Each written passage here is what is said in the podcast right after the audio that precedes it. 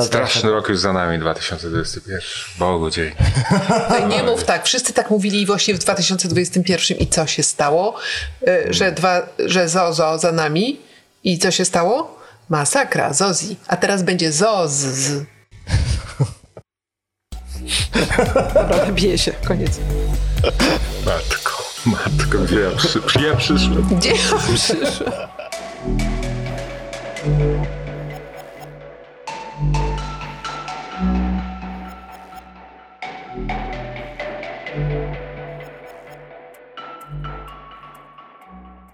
Dzisiaj w Miasto Czytaniu gość bardzo specjalny, chociaż staramy się zawsze zapraszać osoby, które e, są szczególnie istotne ze względu na produkcję wiedzy, ale tobie, Edwin, e, tutaj no, miejsce w pierwszej setce na pewno w czołówce się należy. Edwin Bendyk, publicysta, autor wielu książek, tekstów, też animator życia społecznego, zachęcający nieustannie do ożywienia jakiejś innowacyjności społecznej, wyobraźni lokalnej, e, jakiejś takiej pracy, która może nie jest bardzo spektakularna, ani jest bardzo widoczna, ale jednak produkuje sens życia. Dałbyś się tak przedstawić. No i oczywiście część zespołu polityki, redakcji tygodnika Polityka to też chyba ważna część Twojego życia.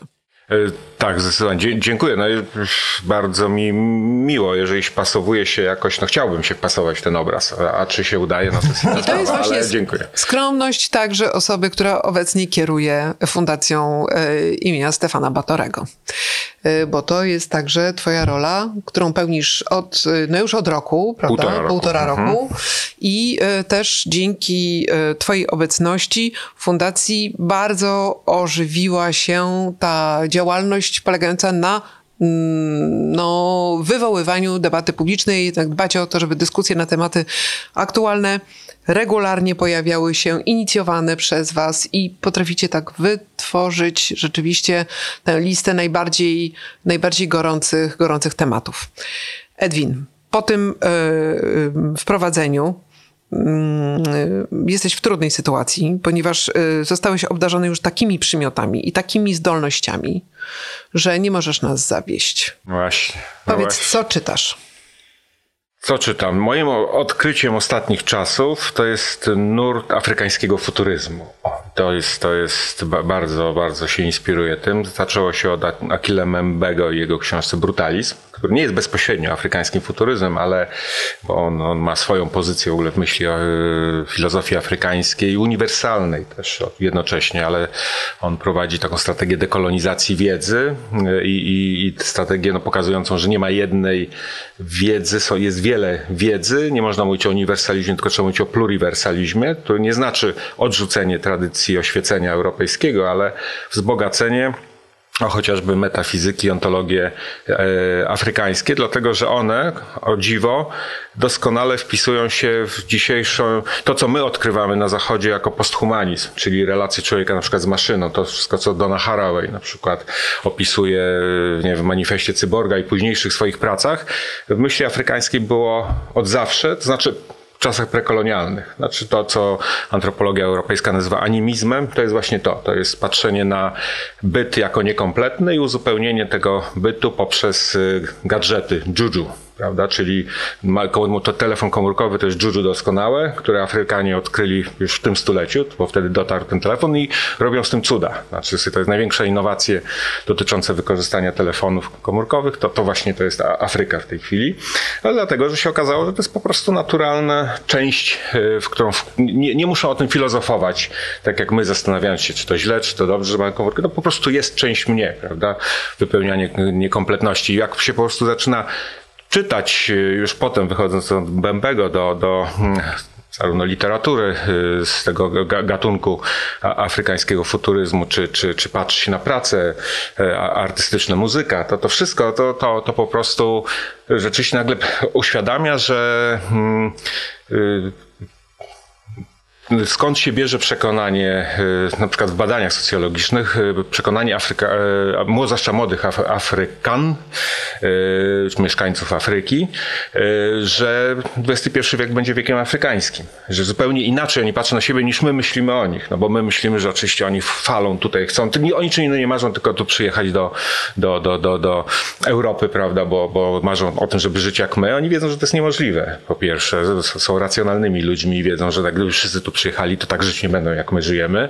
E, żyją, wierzą, że właśnie dzięki technologii mogą zmienić e, swój kontynent, że to jest jednocześnie kontynent, który jest przygotowany poprzez tą tradycyjną, może w cudzysłowie tradycyjną, tą, tą rdzenną, o tak powiedzmy, myśl do recepcji technologii, ale jednocześnie jeszcze ciągle nie został w pełni skolonizowany, w związku z czym jeszcze nie jest wpleciony przepływy kapitału i te wszystkie dyskursy dominacji, więc jeszcze mają dosyć dużą przestrzeń konstruowania siebie, a też z kolei jak się patrzy na, na te ich prace, y, to, to na przykład wizję przyszłości, taka jest, nie, nie powtórzę nazwiska z pamięci niestety artysty, który to, to, to, to zrobił, ale taka wizja Lagos 2050, to widać jaka też jest potęga ironii, no bo no my sobie, to będzie największa metropolia świata wtedy, w 2050 roku, w ogóle Nigeria będzie jednym z najludniejszych krajów, no i no co jest aspektem metropolii? Są wieżowce, prawda, to jest drapacze chmur, ale Jakie to będą drapacze chmur w Lagos 2050? No oczywiście nie korporacyjne, tylko to będą slumsy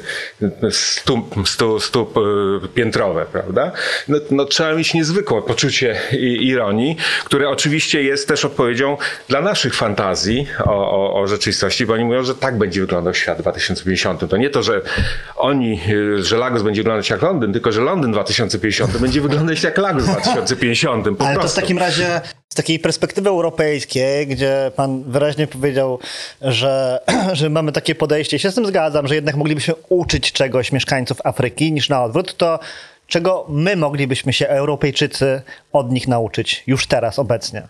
Znaczy, pierwsza rzecz to jest, to jest uznanie symetrii, a nie asymetrii, prawda? Wiedzy. To, co myśmy robili, tylko ukrywali. No to y, pojęcie biopiractwa y, pochodzi z języków właśnie rdzennych społeczności Afryki czy Ameryki Południowej, bo jak się popatrzy na przykład skąd pochodzi większość leków przeciwnowotworowych czy większość antybiotyków, to jest poprzez wchłonięcie do myśli, y, że tak powiem, chemicznej czy farmaceutycznej, podpatrywania tego, co, co co, co, od lat robili no, mieszkańcy właśnie, nie wiem, dżungli czy, czy, czy buszu afrykańskiego, prawda? Którzy tam w kontakcie z, z przyrodą odkrywali właściwości różnych, różnych substancji.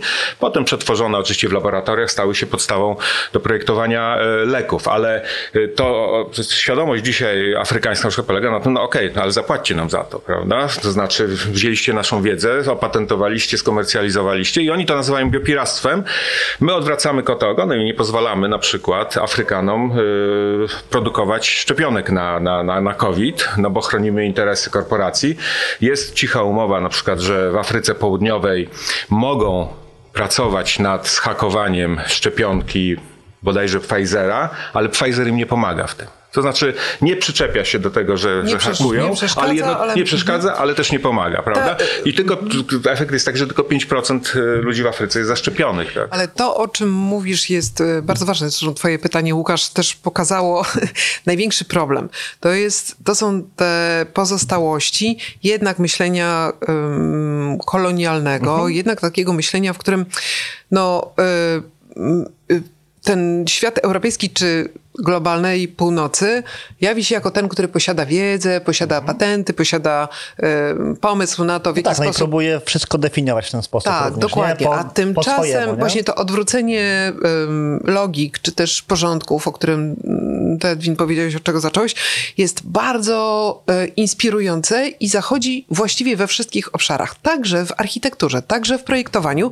I tutaj może pokażmy przez chwilę chociaż okładkę książki y, Kuby Szczęsnego Witaj w świecie bez architektów. Świetna, e, popularyzująca wiedzę mm, o e, tych wszystkich społecznościach lokalnych, które radzą sobie znakomicie, budując skomplikowane, złożone e, systemy mieszkalne, mieszkaniowe, właśnie bez udziału architektów, czyli tych, którzy wiedzą lepiej. I nagle taka sytuacja, która jest właśnie oddolna, produkuje ciekawe zdarzenia architektoniczne, między innymi te pionowe wioski ale tu akurat opisywane w Ameryce Południowej, ale to oczywiście jak bardzo mało wiemy o Afryce, niech świadczy o tym, że tutaj zaledwie jest jeden przykład z Afryki, e, który Kuba wybrał, chyba z Afryki Północnej zresztą.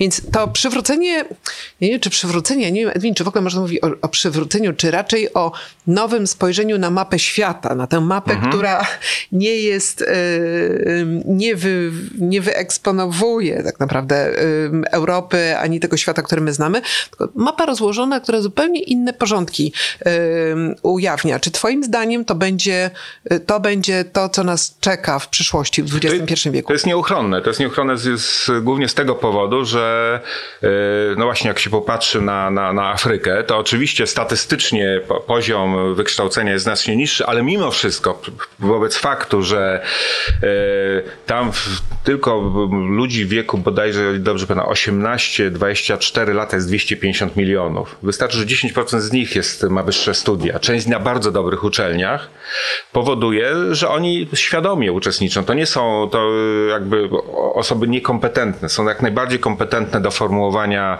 roszczeń, myśli, no i kreowania innowacji. Jak się dzisiaj popatrzy cały czas na naj, najważniejsze źródła, no oczywiście nie, nie mają zasobów, żeby generować nowe technologie, prawda? czyli nie wymyślą internetu w tym sensie, że nie mają zasobów kapitałowych, żeby zbudować infrastrukturę, ale już aplikacje na tym.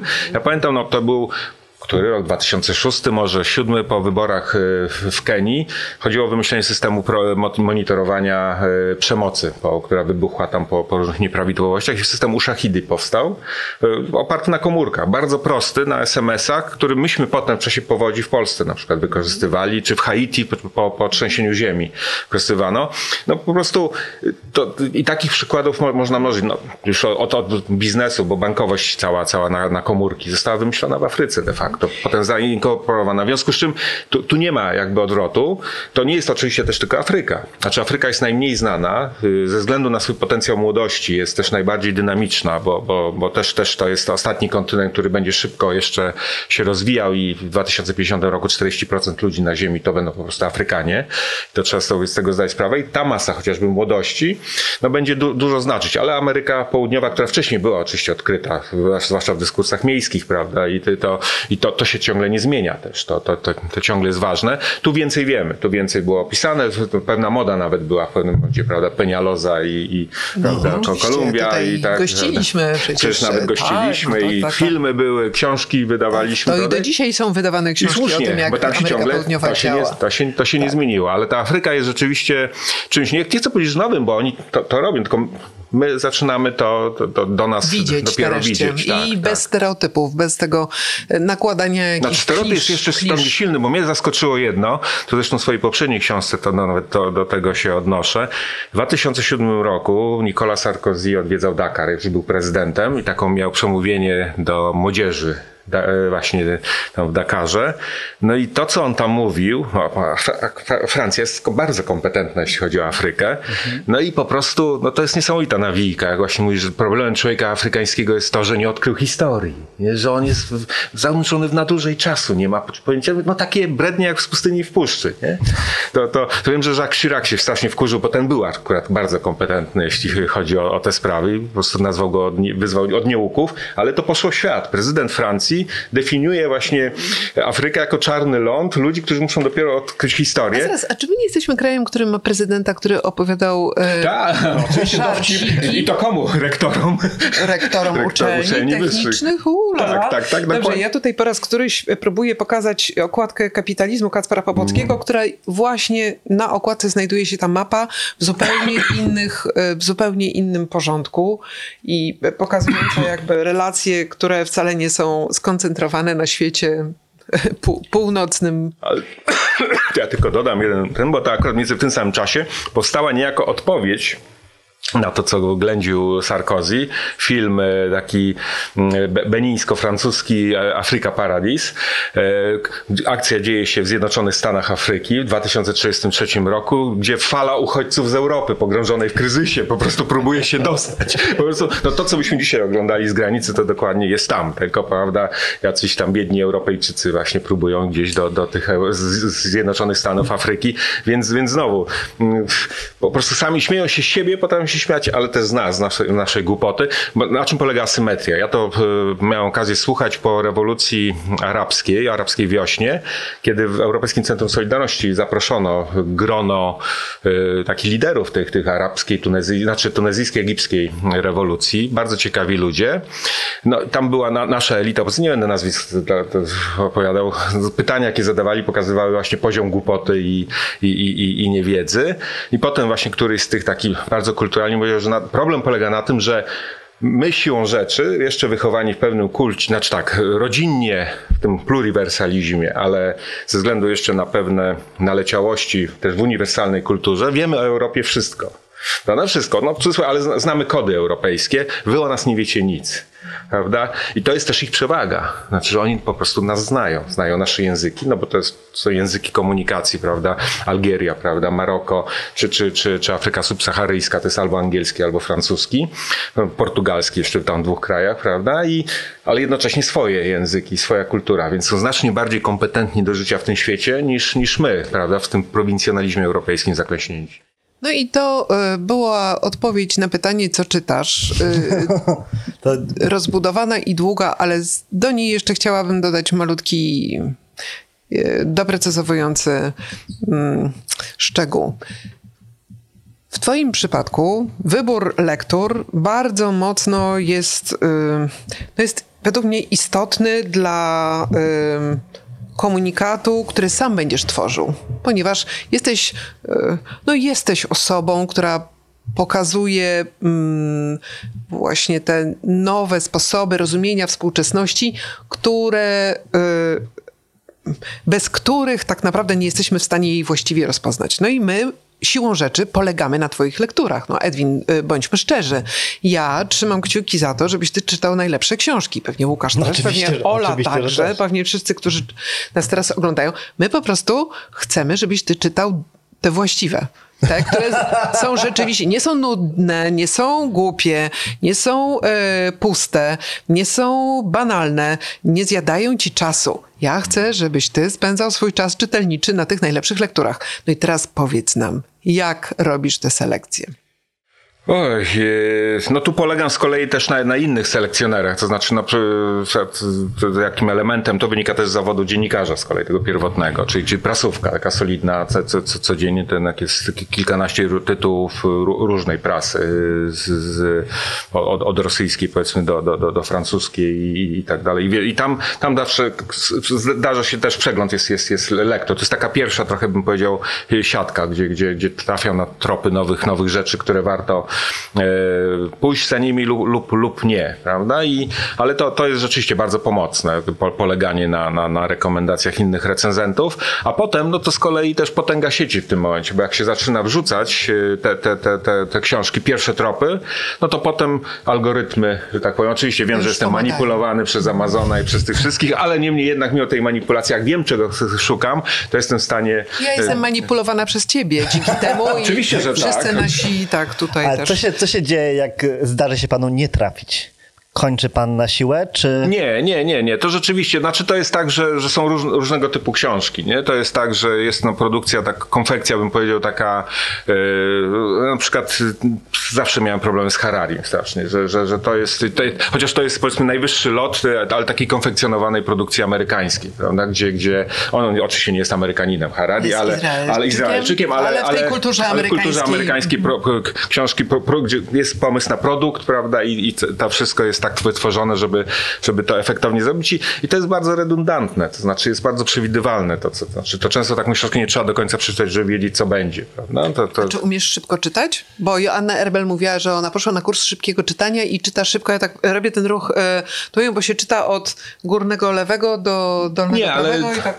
To znaczy, nie, nie, byłem na kursie, natomiast y, jak są książki gatunkowe, właśnie z obszaru pewnej tam myśli, prawda, no to nagle się okazuje, że wiele z nich to jest po prostu takie recykling y, chodzących... Y, recykling idei. Tak, recykling idei wystarczy, że się zacznie pierwszy akapit przeczyta i, i ostatni widać, że już wiadomo coś w środku, prawda? No tak. Więc wie, wiele można sobie odpuścić, yy, więc, więc ale, ale takich staram się też unikać. Jak zobacz, widzę, że jest taka konstrukcja, no to, to, to no nie wiem. Yy... Od czego zaczynasz? Od spisu treści? Nie, to jest, to jest tak, że, że jak mówię, staram się zawsze jednak zobaczyć jakąś recenzję. Znaczy nie, nie, nie się, na, że mało rzeczy te, tak na ślepo biorę, prawda? Ze względu, no autor oczywiście jest podpowiedzią. Jeżeli już wcześniej przekonałem, no to czekam na jakąś następną rzecz i, i patrzę, no powiedzmy Mariana Mazzucato, którą tutaj gdzieś wy, wyłożyliśmy, no to wiem, że za każdym razem będzie tam coś nowego, że to jest ten, ten, ten typ autorki, który po prostu nie produkuje dla produkcji, nie, nie żyje z produkcji książek, co innego jest domeną. Książka jest sposobem komunikowania nowych przemyśleń. Prawda? I tu wiem, że się nie zawiodę. W sensie czegoś nowego mogę być zawiedziony, ewentualnie powiedzmy pomysłem, mogę się z nim nie zgadzać, ale jest zawsze te temat do, do, do dyskusji. Natomiast w innym przypadku, kiedy szukam właśnie nowych rzeczy, no tak jak z tym było powiedzmy afrykańskim futuryzmem, no to jest dłuższe poszukiwanie. To jest, to jest na Mbembe oczywiście nie wymagał rekomendacji, bo, bo, bo, bo funkcjonował jako ważny e, aktor. Jeżeli on wprowadził pewną rzecz, no to, to potem zaczyna się poszukiwanie, prawda? I tu było trudniej, no bo tu tych, tych podpowiedzi jest zdecydowanie mniej, ale też z kolei internet okazuje się bezcennym miejscem do po, po tygodniu eksploracji można już, już sporo, sporo znaleźć. No, ale tutaj przed nami stoją książki, to nie są książki twojego autorstwa, to już wspomniana Mariana Mazzucato, mm -hmm. a y, tu Ekonomia Obważanka y, i y, Janka Zygmuntowskiego Kapitalizm w sieci.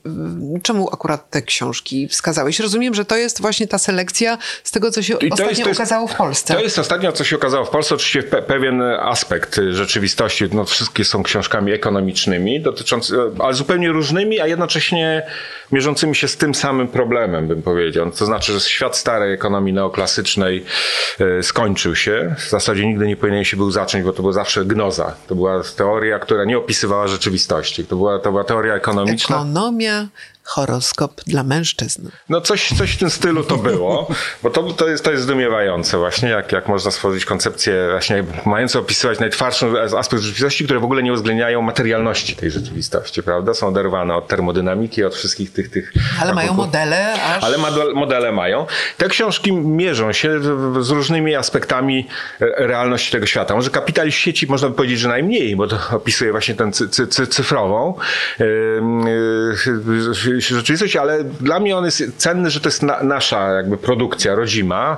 Chyba pierwsza książka rzeczywiście jakby tak systematycznie podejmująca ekonomię cyfrową, więc bardzo późno, bo, bo, bo przecież ja pamiętam w Stanach Zjednoczonych to już, już klasyczne dzieła, nie wiem, Halavariana chociażby, to jest połowa lat 90., gdzie, gdzie, gdzie już całe teorie lepsze, gorsze powstawały. No my dorabiamy się czegoś solidnego, spójnego w, te, w tej chwili. Oczy były przyczynki różne wcześniejsze, nie chcę tutaj oczywiście autorów, którzy pracowali pracowali, jakby dezawować, ale to jest ta, która trafia też w czas, jeśli chodzi o recepcję. Tak? Bo to jest, to jest pierwsza rzecz, no, która... Tego potrzebujemy. Tutaj na przykład mhm. malutki podrozdział informacja jako towar fikcyjny. W sytuacji, kiedy produkcja wiedzy i produkcja informacji są poddane manipulacjom i prze inaczeniom, przekształceniom, kiedy musisz dodatkowo do tego dokładać filtr odsiewania tego, co nie jest no u nas to jeszcze jest inny problem, że my ciągle funkcjonujemy, jak myślimy o gospodarce cyfrowej, czy albo o społeczeństwie e, tak zwanym opartym na wiedzy, bo to też taka, tak, tak, jest, jest taki powiedzmy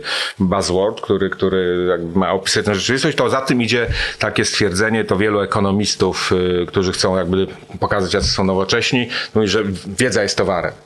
No i to jest bzdura. Wiedza właśnie nie jest towarem, bo, bo i, i Janek to, to pokazuje, ale, ale właśnie pokazuje, jak, jak, jak złożona jest rzecz i paradoksalnie yy, że dzisiaj ciągle najlepszym narzędziem do analizy kapitalizmu sieciowego, cyfrowego jest poczciwy Marx, zwłaszcza jego Grundrisse, czyli zarys y, krytyki ekonomii politycznej, prawda, gdzieś tam z tysiąc, którego to było?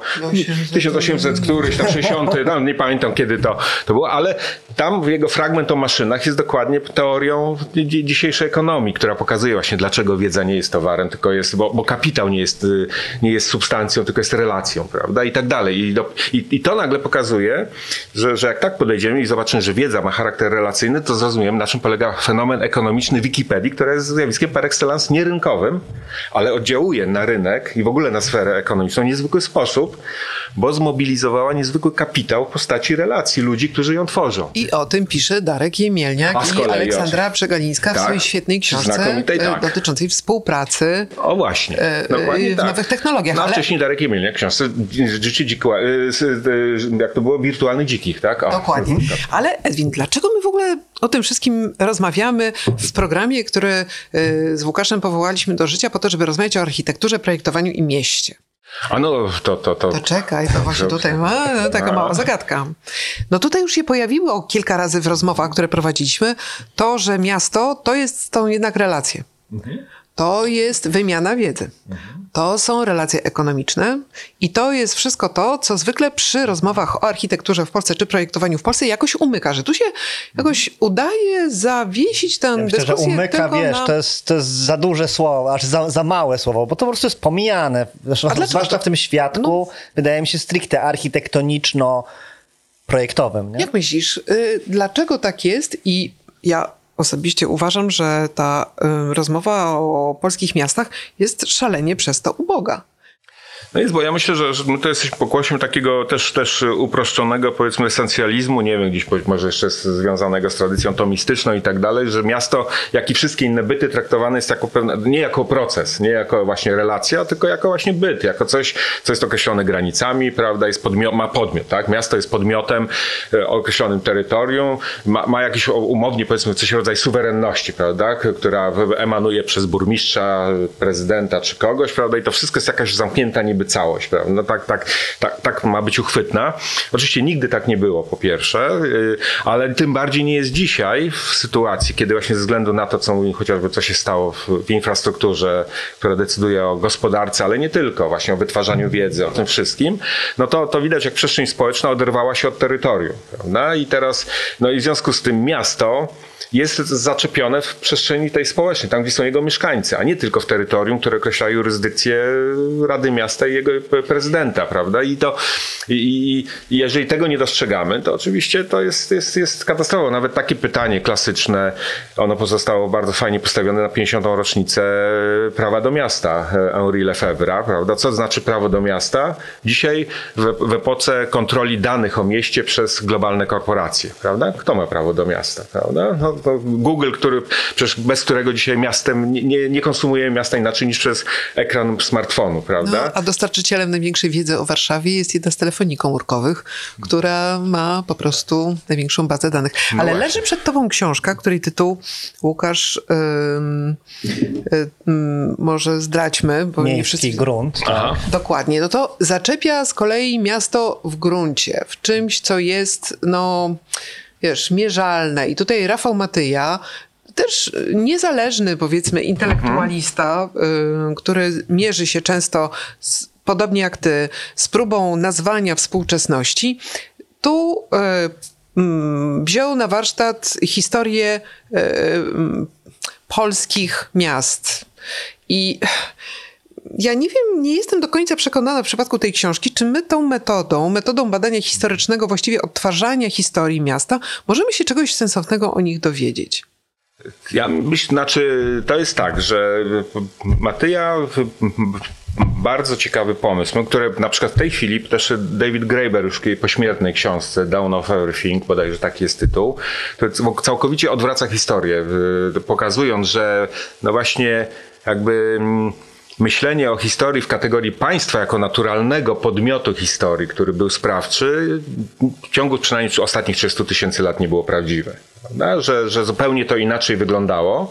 I Matyja, można powiedzieć, zupełnie inny, to, to samo mówi, że, a już zwłaszcza w, w kontekście takiego kraju jak Polska, yy, jak, i on właśnie pokazuje te 250 lat temu, jak wyglądało. No, no to, to, to my przykładamy kategorię państwa, mówiąc o państwach absolutystycznych, takich jak Austria czy, czy Prusy, to myślimy, że to były tak. Dzisiaj najbardziej demokratyczne państwo jest znacznie bardziej absolutystyczne, w sensie zdolności oddziaływania na konkretny punkt swojego terytorium, niż były Prusy Fryderycjańskie prawda? Tam mógł sobie właśnie król coś wydać dyspozycję, za 100 lat mniej więcej to wchodziło w życie, tak? Gdzieś, gdzieś w, w Prusach Wschodnich po prostu. Tak, tak mniej więcej trwała dyfuzja. Mieliły tak młyny. Tak, tak nie, nie było szansy, nie było aparatu kontroli takiego i tak, to, to się zmieniało, ale w momencie, kiedy wchodziliśmy w zabory, to właśnie mniej więcej tak wyglądało. Także na przykład cała aparatura administracyjna przez długi czas jeszcze to, to, to była całkowicie polska, osadzona w polskim kontekście. Oczywiście był inny władca, granice się tam zmieniły i tak dalej.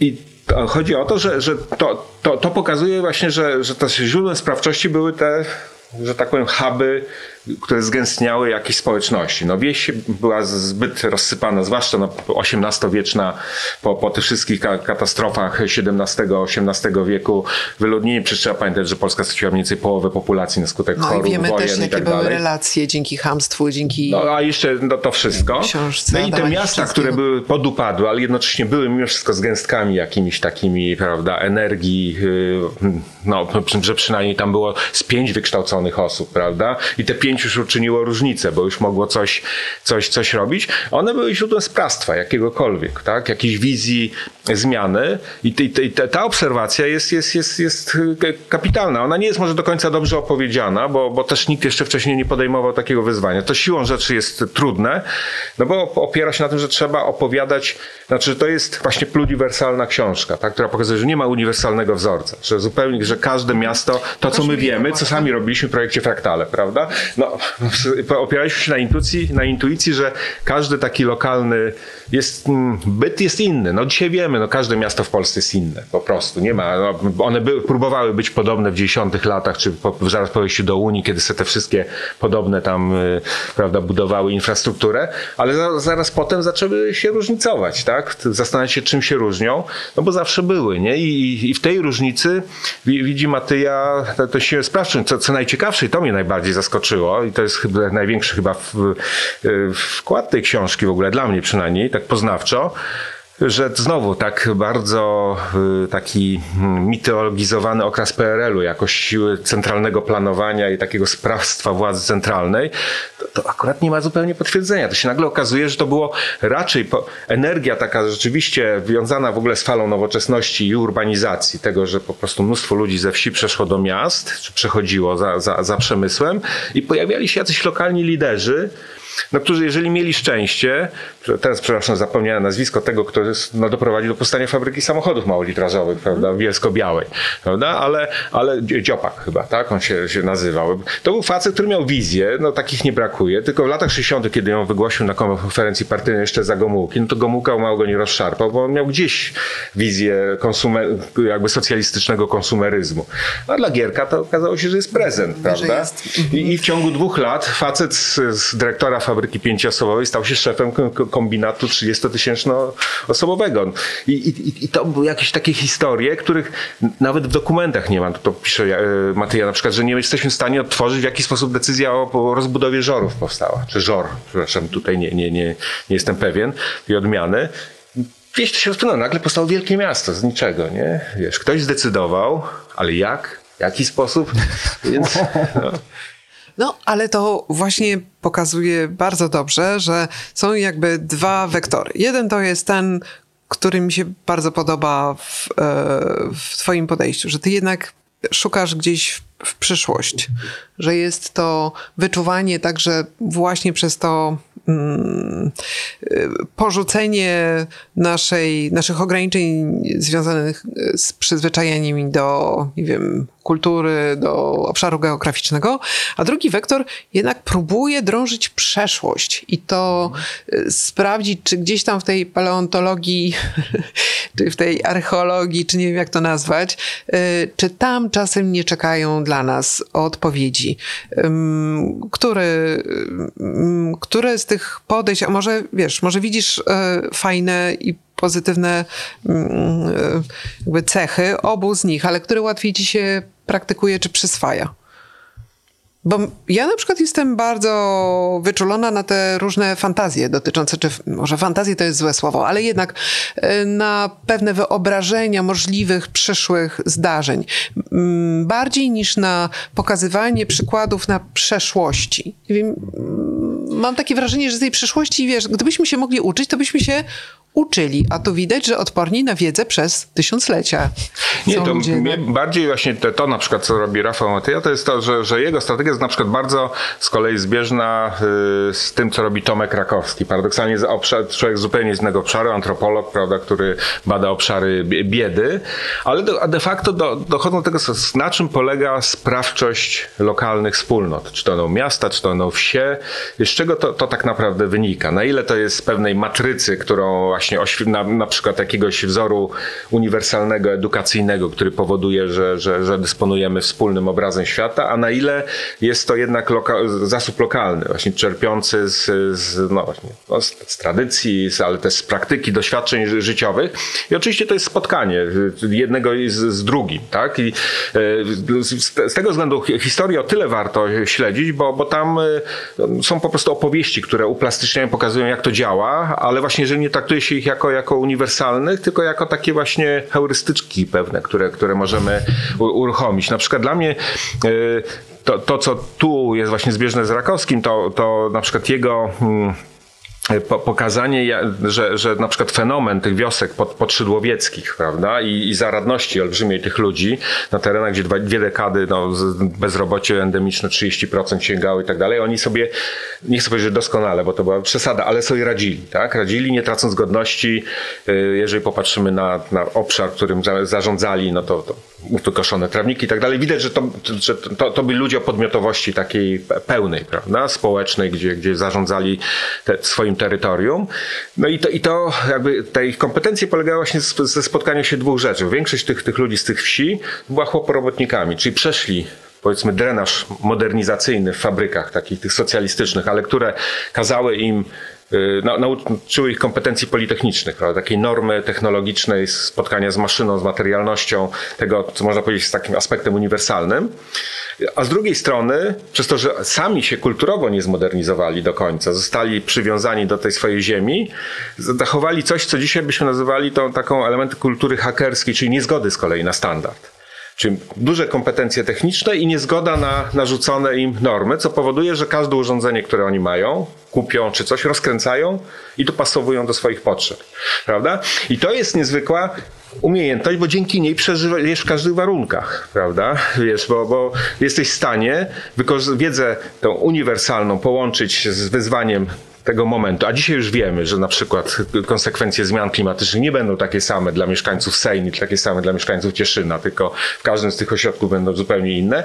I musimy to, co powiedzą nam naukowcy od klimatu, teraz zamienić na skrypty, które lokalnie będą miały użyteczne. I w tym sensie to jest, to jest opowieść, to jest opowieść jakby generalizująca pewne doświadczenie, że te polskie miasta wbrew wizjom, to na przykład Paweł Kubicki w swojej książce Wynajdywanie miejskości stawia zupełnie odmienną tezę.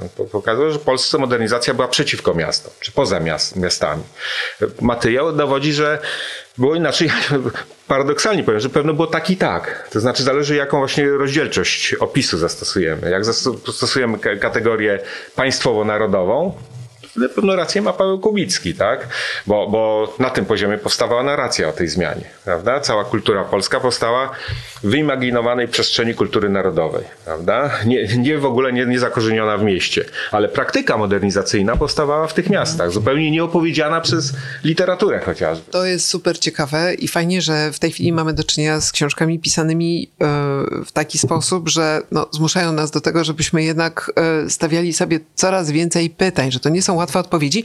Cieszę się też, że przywołałeś Tomka Rakowskiego. Ja z nim ostatnio rozmawiałam i jestem absolutnie pod wielkim wrażeniem, ponieważ on oprócz swojej praktyki badawczej równolegle y, mm, prowadzi praktykę Lekarską. lekarską, jest lekarzem na oddziale ratunkowym. Tak, tak, no w ogóle naj, najcięższe co może być. opowiadał naprawdę niesamowite rzeczy, jakby wymagające wielkiej siły i uporu, aby wykonywać ten zawód i czerpać z niego satysfakcję i byłam naprawdę pod ogromnym wrażeniem, a Państwu polecamy badania e, pod jego kierownictwem.